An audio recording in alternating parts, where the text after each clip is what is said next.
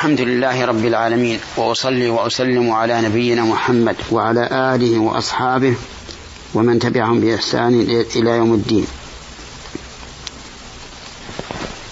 أما بعد أيها المستمعون الكرام نبتدئ هذه الحلقة بقول الله تبارك وتعالى إن الذين يكفرون بآيات الله ويقتلون النبيين بغير حق.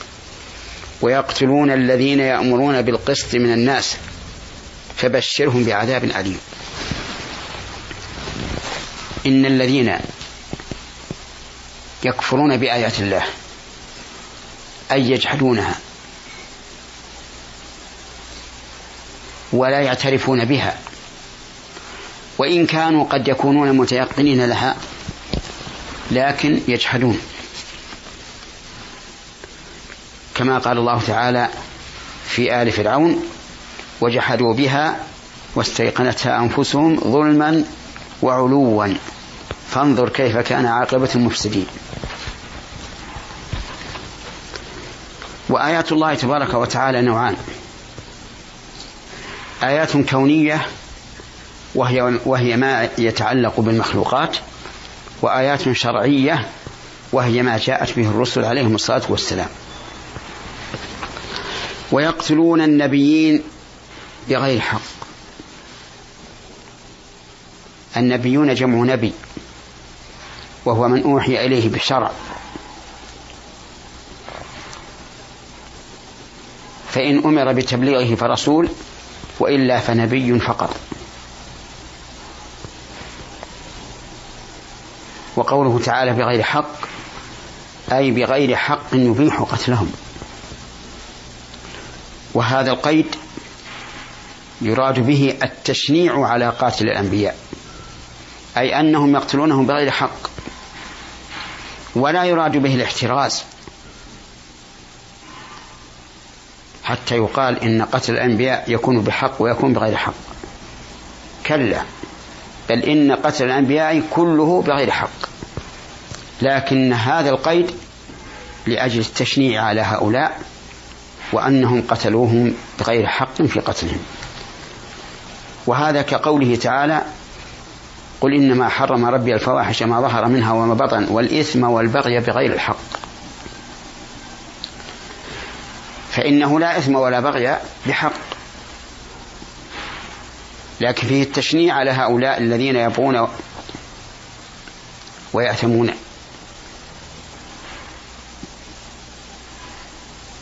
وأن تشركوا بالله ما لم ينزل به سلطانا. أي ما لم ينزل به برهانا ودليلا. ومن المعلوم أنه لا يمكن أن يقوم برهان ودليل على الشرك بل البرهان والدليل على بطلانه. لكن هذا من باب التشنيع على المشركين حيث أشركوا بالله بدون دليل ولا برهان.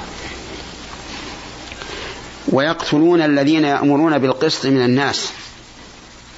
يأمرون بالقسط أي بالعدل. والعدل كل ما جاءت به الشريعة فهو عدل. قال الله تعالى إن الله يأمر بالعدل والإحسان وإيتاء ذي القربى. فمن هم الذين يأمرون بالعدل؟ هم العلماء. ويدخل في هذه الجملة يأمرون بالعدل الأنبياء. فيكون عطف ويقتلون الذين يأمرون بالقسط من الناس من باب عطف العام على الخاص. فهؤلاء المعتدون اعتدوا على الرسل وعلى أتباعهم فبشرهم بعذاب أليم أي أخبرهم بعذاب مؤلم والعياذ بالله. وذلك لعظم جرمهم. في هذه الآية الكريمة من الفوائد والأحكام الوعيد الشديد على من اتصف بهذه الصفات.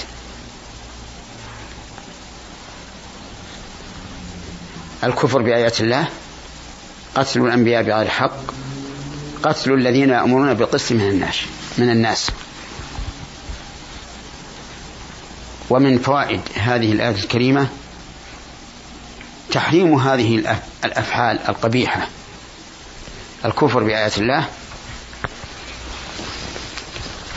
وقتل النبيين بغير حق. وقتل الذين يأمرون بالقسط من الناس. ومن فوائدها أن كل من قتل من الأنبياء فقد قتل بغير حق. بل بالعدوان والظلم والجور. ومن فوائدها وأحكامها أن للحق أعداء. وإلا فما ذنب الأنبياء؟ وما ذنب الذين يأمرون بالقسط من الناس؟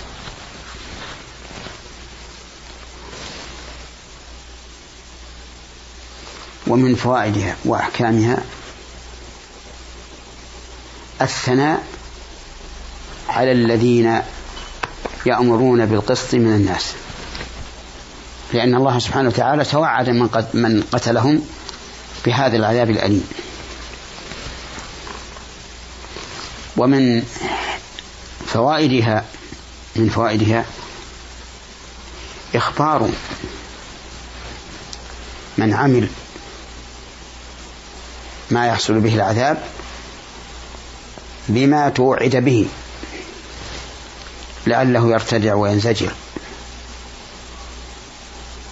لقول فبشرهم بعذاب أليم. ومن فوائد هذه الآية وأحكامها أن عذاب أهل النار مؤلم. وليس كما زعمه بعضهم أنهم يتأقلمون على هذا على هذا العذاب ثم لا يتأثرون به. بل إنهم يتألمون أشد الألم. نسأل الله العافية. اللهم أعذنا من النار.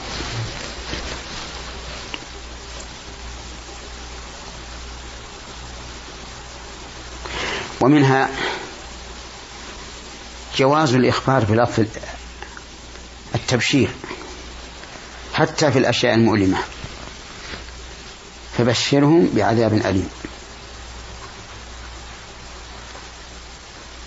فإن قال قائل البشارة فيما يسر.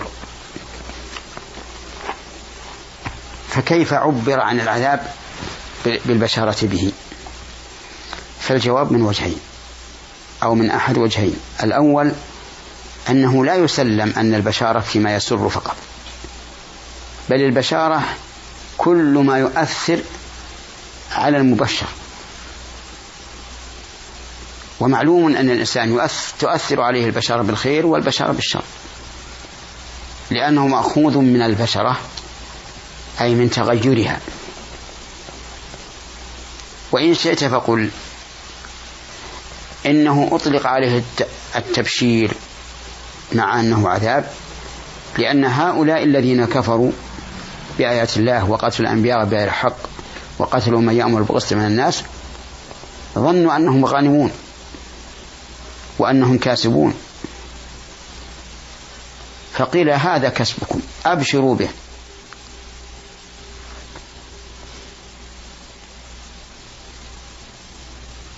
ومن فوائد الآية وأحكامها وهو من أهم ما يكون. أن الله تعالى يدافع عن أوليائه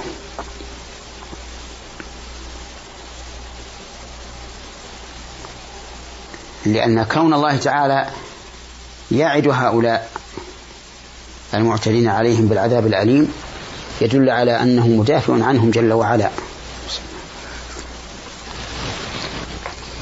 ويؤيد ذلك قول الله تبارك وتعالى إن الله يدافع عن الذين آمنوا. وقوله تعالى في الحديث القدسي من عادى لي وليا فقد آذنته بالحرب. أي أعلنت, أي أعلنت الحرب عليه ولا شك أن الله تعالى أوفى معاهد أوفى معاهد بعهده.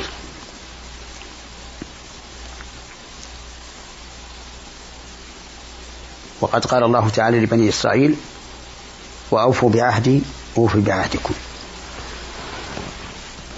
وعهد الله تعالى الذي الذي أمرنا أن نوفي به هو أن نقوم بطاعته عز وجل.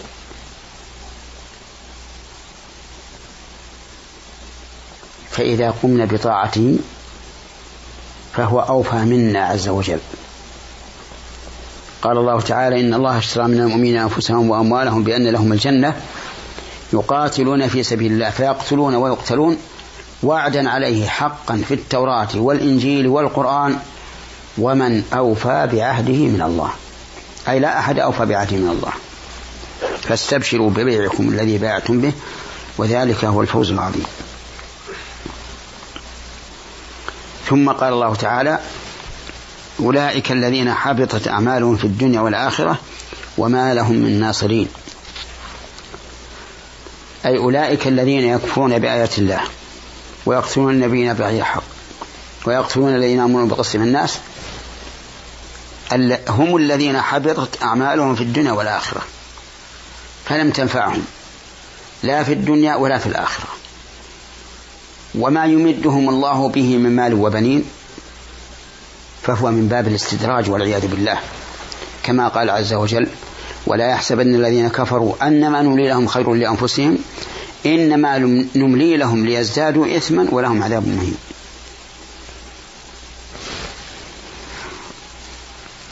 وما لهم أحد ينصرهم لا في الدنيا ولا في الآخرة والعياذ بالله. قال الله تعالى وإذا أراد الله بقوم سوءا فلا مرد له وما لهم من دونه من وال في هذه الآية الكريمة من الفوائد والأحكام أن من قام بالصفات السابقة فهو كافر. لأنه لا عمل يبطل يبطل الأعمال في الدنيا والآخرة إلا الكفر. كما قال تعالى ومن يرتد منكم عن دينه فيمت وهو كافر فأولئك حبطت أعمالهم في الدنيا والآخرة. ومن فوائدها أن الكافر لا ينتفع بعمله لا في الدنيا ولا في الآخرة.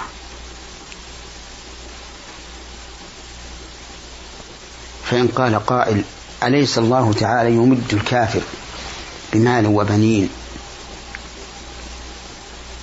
في الدنيا وينعمه؟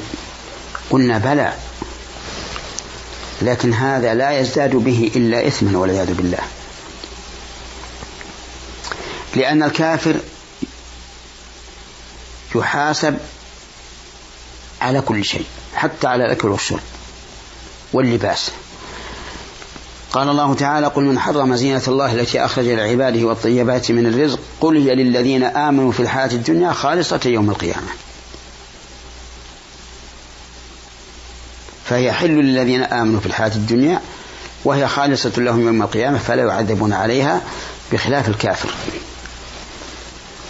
ومن فوائد الآية قطع أمل المشركين الذين يشركون بالله ويقولون إن هؤلاء شفاء هؤلاء يعني آه، الأصنام التي كانوا يعبدون يعبدونها هؤلاء شفعاؤنا عند الله. فبين الله في هذه الآية وفي أمثالها أن هؤلاء ليس لهم ناصر. وصدق الله عز وجل. في الآخرة يفر المرء من أخيه وأمه وأبيه وصاحبته وبنيه.